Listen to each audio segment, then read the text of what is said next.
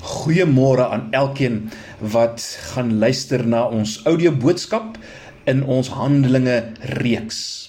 Ek vertrou dit gaan goed met elkeen wat op hierdie oomblik uh luister en ek vertrou dat die Here vir my en vir jou vanoggend opnuut gaan bemoedig, versterk en aanspoor deur sy woord en ook vir ons as gemeente. Maar kom ons bid net saam voor ons gaan nadink oor die gedeelte voor ons. Here, ons kom na U toe met 'n absolute verwagting en 'n verlange na die werking van die Gees in ons midde. Ons wil kom hoor wat U vir ons ook as gemeente maar as individue te sê het. Ons het 'n begeerte dat U ons sal gebruik en sal lanseer in in 'n wêreld vol nood en hartseer en pyn rondom ons. Kom Here, kom praat met ons in Jesus se naam. Amen. Die gedeelte waarna ons vanoggend gaan kyk is Handelinge 11 vers 19 tot 30. Voordat ons verder gaan, wil ek graag hê dat jy hierdie gedeelte nou rustig gaan deurlees. En dan uh kan jy verder luister na die opmerkings wat ek gaan maak uh oor hierdie gedeelte. So gaan lees asseblief eers Handelinge 11 vers 19 tot 30. Nou, die boek Handelinge gaan oor die triomftog van koning Jesus. Daar's geen twyfel nie. Hy self is aan die werk in die boek Handelinge deur sy kerk. Mense wat met die Heilige Gees gedoop is. En Jesus is die een wat gekom het om alles te herstel en om vir God 'n nuwe volk, 'n nuwe mensdom as jy wil, vanuit die hele wêreld saam te bring uit elke volk en stam en taal en nasie, sodat hulle kan leef in sy lig of as jy wil, sy lewe. Sy lewe van in die regte verhouding met God en met ander mense en die geskape werklikheid. Dis waarvoor mense bedoel was. Dis waarvoor jy bedoel was en ek bedoel was. Ons moet nou al so leef. Dis wat God wil en uiteindelik op 'n nuwe aarde sal dit die kenmerk wees van lewe. Jesus as koning het al die magte van sonde en die Satan aan die kruis oorwin en hy die verbondsverbreeking van mense gedra sodat hulle nou hierdie lewe kan leef onder vervulling en die krag van die Heilige Gees. Nou in hierdie proses in hierdie triomftog van Jesus, soos ons dit kry in die boek Handelinge, het ons gesien dat grense oorgesteek is. Nie net geografiese grense nie, maar ander grense ook, grense wat onder die ou bedeling bestaan het met betrekking uh, met betrekking tot wie deel is en kan wees van God se volk, God se mense al dan nie. Nou verlede keer het ons gesien hoe heidene wat Godvreesend was tot God, die God van die Jode gebid het en almoses gegee het, toegewyd was hoe hulle deel geword het van God se nuwe volk. Onthou nou hierdie mense sou onder die Ou Testamentiese bedeling nooit werklik kon deel word van die verbondsvolk nie, want hulle is eintlik as onrein beskou. Maak nie saak hoe toegewyd hulle was nie. Nou om hulle te kon inskakel, sal julle onthou, moes Jesus, die opgestane Jesus, die apostel Petrus, die een van wie hy gesê het hy gaan sy kerk op hom bou, Hy moes hierdie man omkeer op sy ou ouderdom, nadat hy al 'n lang pad geloop het met Jesus. Toe Jesus op aarde was. Jesus moes Petrus tot 'n hernieude bekering bring. Hy moes sy vaste godsdienstige idees omkeer en verander. Net soos baie van ons wat dalk al baie lank Christene is, se vaste idees omtrent sekere dinge deur die Here omgekeer en verander moet word voordat hy ons kan aanwend en gebruik vir sy koninkryk. Maar goed, vanoggend uh wil ek hê ons moet kyk na die vraag wat is sommige van die sleutels tot die geheim van kerkwees binne hierdie bedeling waarin die boek Handelinge afspeel en waarin ons onsself bevind? Binne die raamwerk van hierdie triomftog van Jesus. Wat sien ons? Onthou nou ons het nou gesê ons kry hier 'n lewende gemeenskap wat die evangelie oor grense vat. Dis wat kerkwees hier is. En nou wil ek hê ons moet kyk na drie sleutels wat ons raak sien in hierdie gedeelte. Drie sleutels tot die geheim van sulke lewende kerkwees. Uh en ek vertrou ons sal sien hoe relevant dit is ook vir ons as gemeente vandag.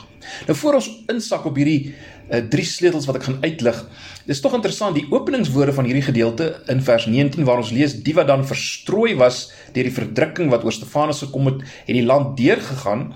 Hierdie woorde vat ons terug na hoofstuk 8 vers 4 waar ons baie dieselfde ding lees. Ons lees in vers 4 van Handelinge 8 en die wat verstrooi was, het die land deurgegaan en die woord van die evangelie verkondig. So wat ons moet raak sien is dat Lukas weer 'n nuwe begin vir ons wil aandui.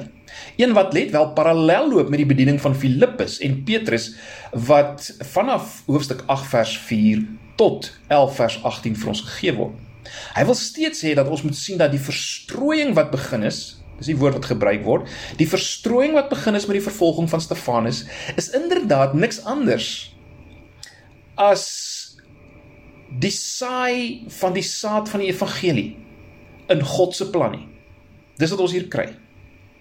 Maar goed, kom ons kyk na 'n eerste sleutel wat ek wil noem die sleutel van onbekende gemeentelede wat pionierwerk doen deurdat hulle hulle geloof deel in die plek waarheen hulle verstrooi is. En ons kry dit in hoofstuk 11 vers 19 tot 21. 'n Groep baie onbekende, kom ons noem dit pioniergemeentelede wat hulle geloof deel in die plek waarheen hulle verstrooi is. En ek dink dis 'n belangrike sleutel vir die verstaan van van dit wat gebeur het, die uitbreiding van hierdie kerk. Nou, dis duidelik dat die wat na Fenisië en Siprus en Antiochië gegaan het, het die boodskap met Jode alleen gedeel, maar sommige van uh, van die in Siprus en Sirene uh het die evangelie in Antiochië met Grieke ook gedeel. Nou ek weet vers 20 uh is so 'n bietjie van 'n 'n moeilike vers. Uh sommige vertalings vertaal dit met Grieke, ander met Griekse Jode, die 2020 vertaling vertaal dit met Helleniste. Ons kan egter met redelike sekerheid weet ons het hier te doen met mense wat die Griekse kultuur aangeneem het. Met ander woorde, sommige ouens van Siprus en Sirene uh, het die evangelie in in, in Antiochië ook met mense gedeel wat wat deel was van die Griekse kultuur en Griekssprekend was. Baie belangrik Terwyl Lukas ons en dis die punt wat ons moet raak sien. Terwyl Lukas ons vertel waar hierdie dapper ouens vandaan gekom het wat die evangelie ook met hierdie Griekssprekendes gedeel het, sê hy nie wie hulle was nie. Het julle dit raak gesien? Ons weet bloot nie wie hulle was nie. Ons sal nooit hulle name ken. Waarskynlik juis omrede daar geen bekende leiers onder hulle was en geen een van hulle vreeslik uitgestaan het as meer begaafd of 'n beter en dinamiese, meer dinamiese leier as die ander een nie.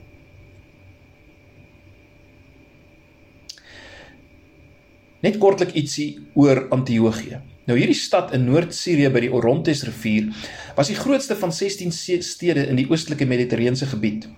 Weereens onthou wat ons al oor stede gesê het, nê? Nee, is interessant. Nou met 'n populasie van omtrent 300 000 was Antiochië uh, in Sirië die derde grootste stad in die Romeinse ryk wat populasie betref. Net Rome en Alexandria het meer mense gehad. En daar het ook 'n geweldige Joodse populasie gebly Uh ouens bereken dit vanaf 22000 tot 65000. Nou blykbaar het Antiochië moreel gesproke nie baie goed gedoen nie. Kultiese eh, prostitusie was aan die orde van die dag. Hulle was bekend daarvoor. Uh en natuurlik omdat dit 'n internasionale kommersiële sentrum was, was die stad geweldig kosmopolitiaans. So alle kleure en geure en voorkeure van die tyd was daar verteenwoordig. Die Joodse historikus Josephus ehm uh, noem ook dat daar heelwat sogenaamde Joodse proseliete gewoon het. Ons weet byvoorbeeld dat een van die sewe diakens, Nikolaus, was 'n proseliet van Antiochië. Ek noem dit sommer alles want hierdie plek was as te ware die ideale, kom ons noem dit in aanhalingstekens ware geboorteplek vir die Christendom. En is baie interessant vir baie eeue. Uh, as mens eintlik die eerste 1600 jaar van die kerkgeskiedenis lees, was dit 'n baie belangrike sentrum vir die Christendom.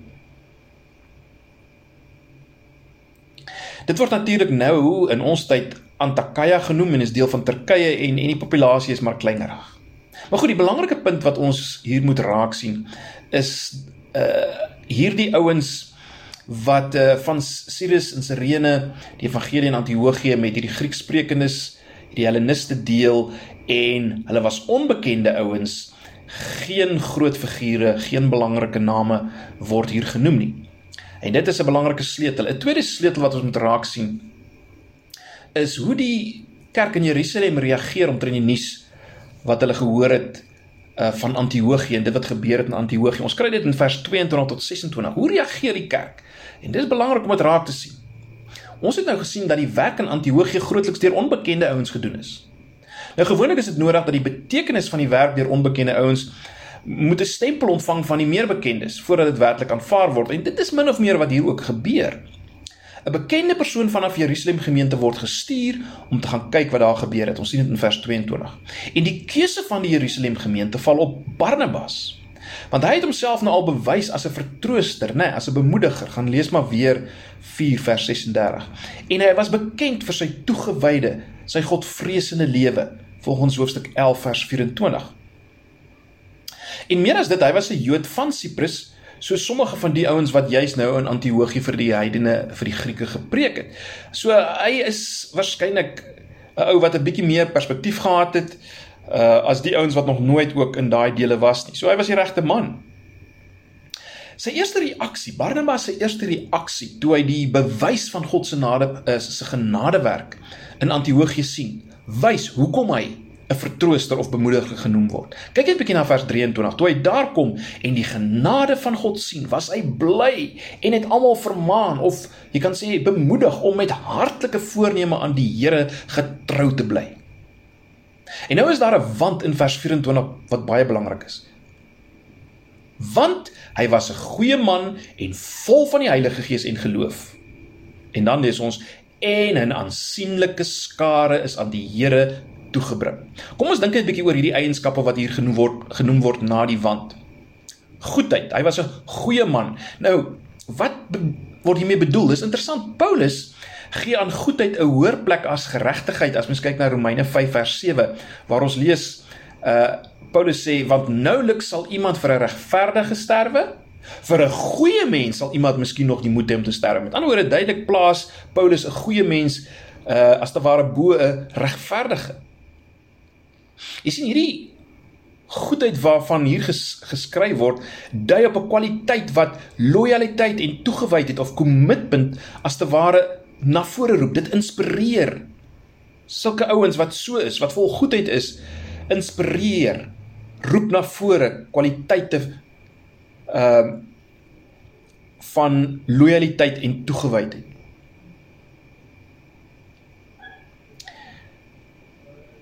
Hierdie goedheid kan ook dui op vrygewigheid. As ons kyk na Matteus 20 vers 15 byvoorbeeld. En dis natuurlik 'n kwaliteit wat na vore kom as Barabbas sonder huiwering die werk aanvaar, nie waar nie? Soms verwys die term na goed, hierdie goedheid verwys soms na goed in kontras met kwaad, soos goeie vrug teenoor slegte vrug. Maar goed, opsommend as Lukas die woord goed gebruik om Barnabas op te som, dan beskryf hy iemand met ware Christen karakter, 'n man van integriteit en heelheid. En die feit dat goedheid spesifiek genoem word, wys dat Barnabas se Christelike kwaliteit van lewe uiters sigbaar was. Maar boonbehalwe dit word hy ook beskryf as iemand wat vol is van die Heilige Gees, net soos die sewe diakens beskryf is. Hier was dus iemand in wie se lewe die Heilige se die Heilige Gees se krag en se gawes werksaam was, duidelik was, in oorvloed was, omrede hy nie die Heilige Gees uitgeblus het en bedroef het soos moontlik is volgens uh, Efesiërs 4 vers 30 waar Paulus sê moenie die Heilige Gees bedroef nie. Hy was vol van die Heilige Gees. Hy was ook vol van geloof en verseker dui dit op geloof in Jesus. Daar was 'n oorvloed daarvan, van 'n absolute afhanklikheid van Jesus. Dit wat dit is wat sigbaar was. As jy in kontak kom met Barnabas, was jy was jy bewus van hierdie dinge. En nou is dit interessant dat die laaste frase van die vers net nadat hierdie dinge genoem word, sê Lukas en 'n aansienlike skare is aan die Here toegebring. Dis 'n baie baie tipiese Lukas frase. 'n Aansienlike skare is aan die Here toegebring 24b. Met ander woorde waar mense is wat so gekenmerk word, gebeur dinge. Word mense na die Here gebring. Gaan dink 'n bietjie self hieroor na en en en bid hieroor en dink hieroor. Nou, baie belangrik, die koms van hierdie bemoediger Barnabas het nie gelei tot 'n vermindering in evangeliese ywer en effektiwiteit van die res van die gemeente nie.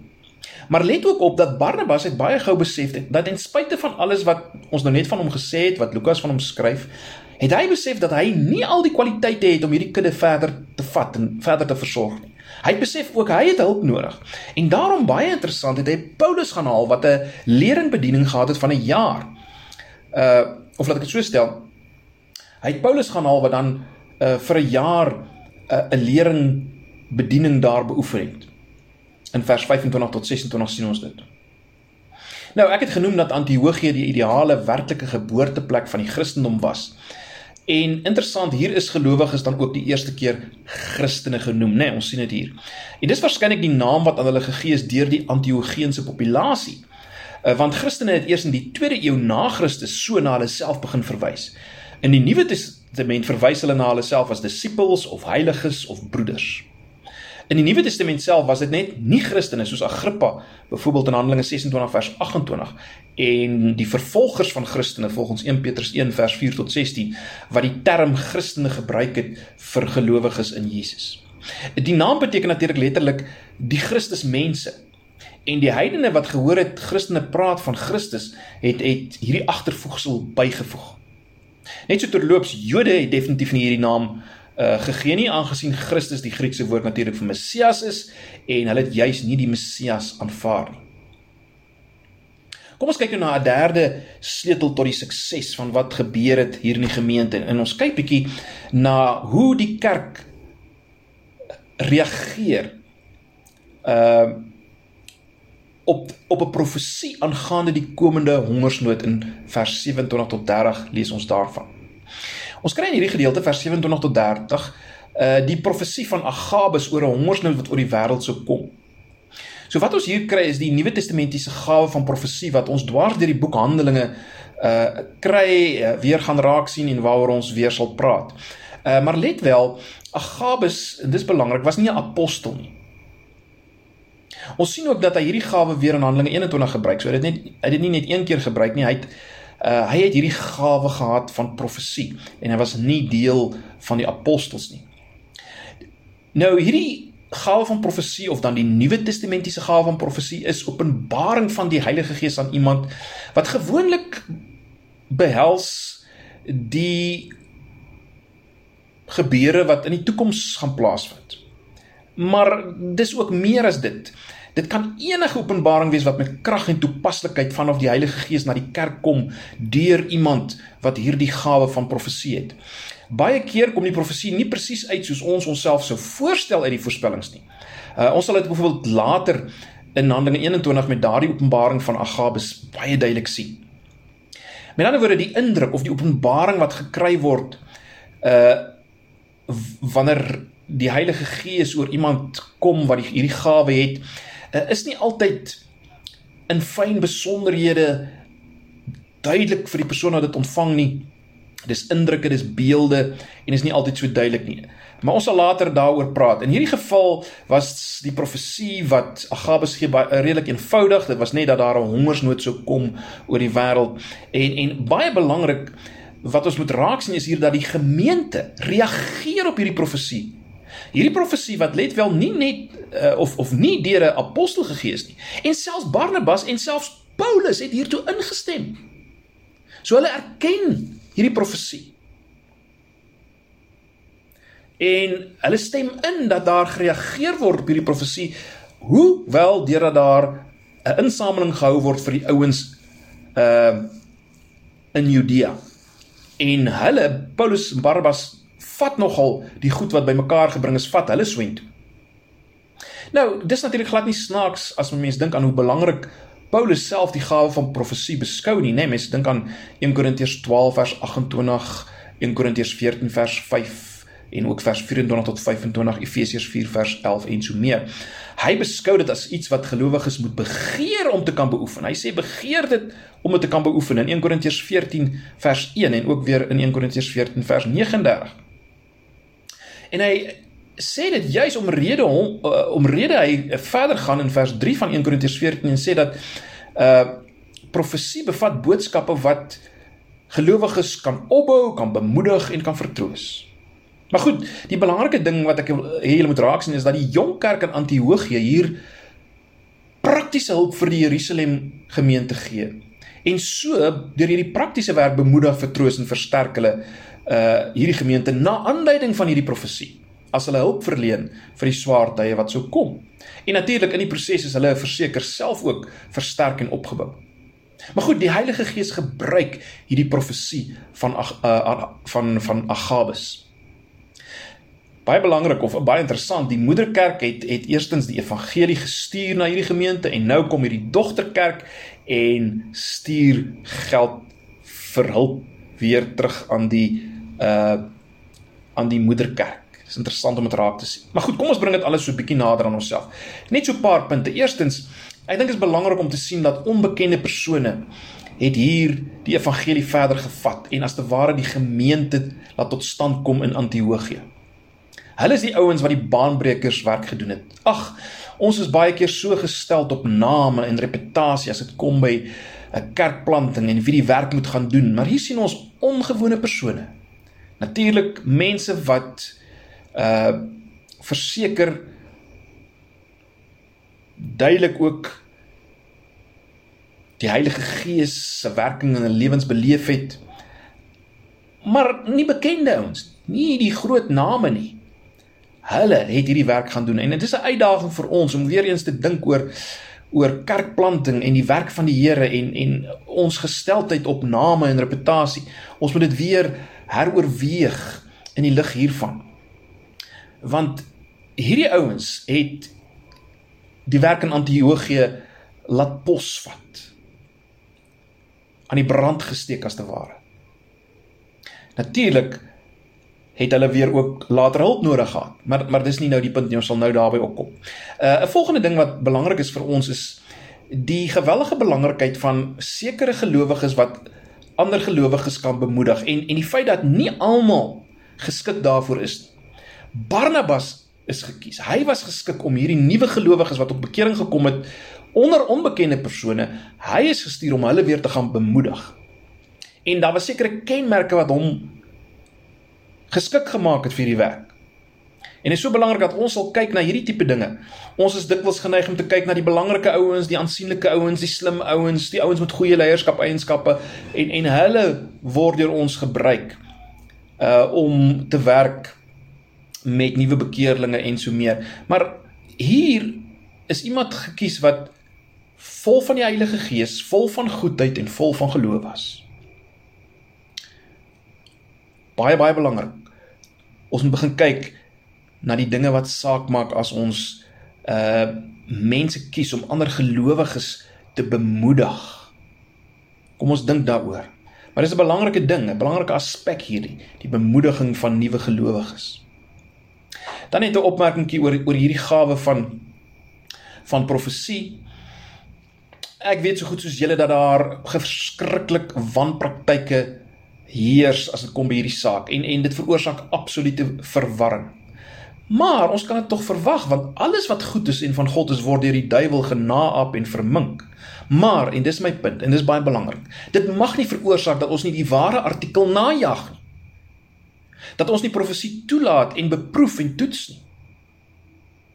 Want broers en susters, die gawe van profesie en let wel, dis nie blote prediking nie, is baie duidelik een van die gawes wat vir die kerk gegee is, nie vir die apostels en vir die aposteltyd nie. Hierdie hierdie gawe het voortgegaan in die vroeë kerk. Ag, daar's baie dokumentasie daar rondom. En selfs na die reformatie, selfs onder ouens soos die Puriteine was daar profesie dikwels word dit as te ware van ons weggehou en en boeke waar waar dit in voorkom word nie word nie altyd so goed gepubliseer nie.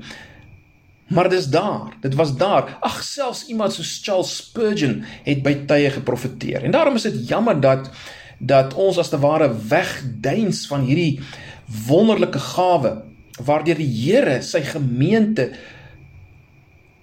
toerus en aanspoor en gebruik. Dis jammer dat ons terugduins daarvan as gevolg van al die belaglikhede wat ons rondom ons sien en al die wanpraktyke van hierdie saak. Ag, kom ons bid dat die Here ons meer duidelikheid ook oor hierdie saak sal gee. En dan net 'n vierde punt. Ons sien hier iets van die belangrikheid van die saamwerk van gemeentes en die saamwerk van verskillende gawes as dit gaan oor die sendingtaak, die uitreik saak. Ons sien hoe gemeentes Jerusalem en Antiochië saamwerk en hoe die een die ander een help en hoe ouens met verskillende gawes uh aangewend word. Barnabas wat sekere gawes het wat ander ouens het, nee, het nie word na Antiochië gestuur. En Barnabas besef weer Paulus kan dinge doen wat hy nie kan doen nie en dan gaan haal hy hom. En Agabus het weer almal gehelp deur sy gawe van profesie en so so kan ons aangaan. En baie belangrik, hulle almal word net saam gebruik en meegevoer deur die opgestane Jesus, die koning van alle konings wat besig is om sy koninkryk te bou in hierdie wêreld. Ag, is dit nie wonderlik dat hy ons as mense wil saam voer in sy triomftog nie. Mag die Here ons help om dit wat ons vanoggend te uh, gehoor het daaroor te bid en daaroor te bepeins en en mag hy ons ook help om dit al meer in ons eie gemeente uh as te ware te implementeer onder leiding van sy gees. Maar kom ons bid saam. Here, dankie vir u woord vanoggend. Ons eer u daarvoor. Aan u Jesus, die koning van alle konings, die Here van alle Here, kom toe al die eer en die lof en die aanbidding tot in alle ewigheid. Amen.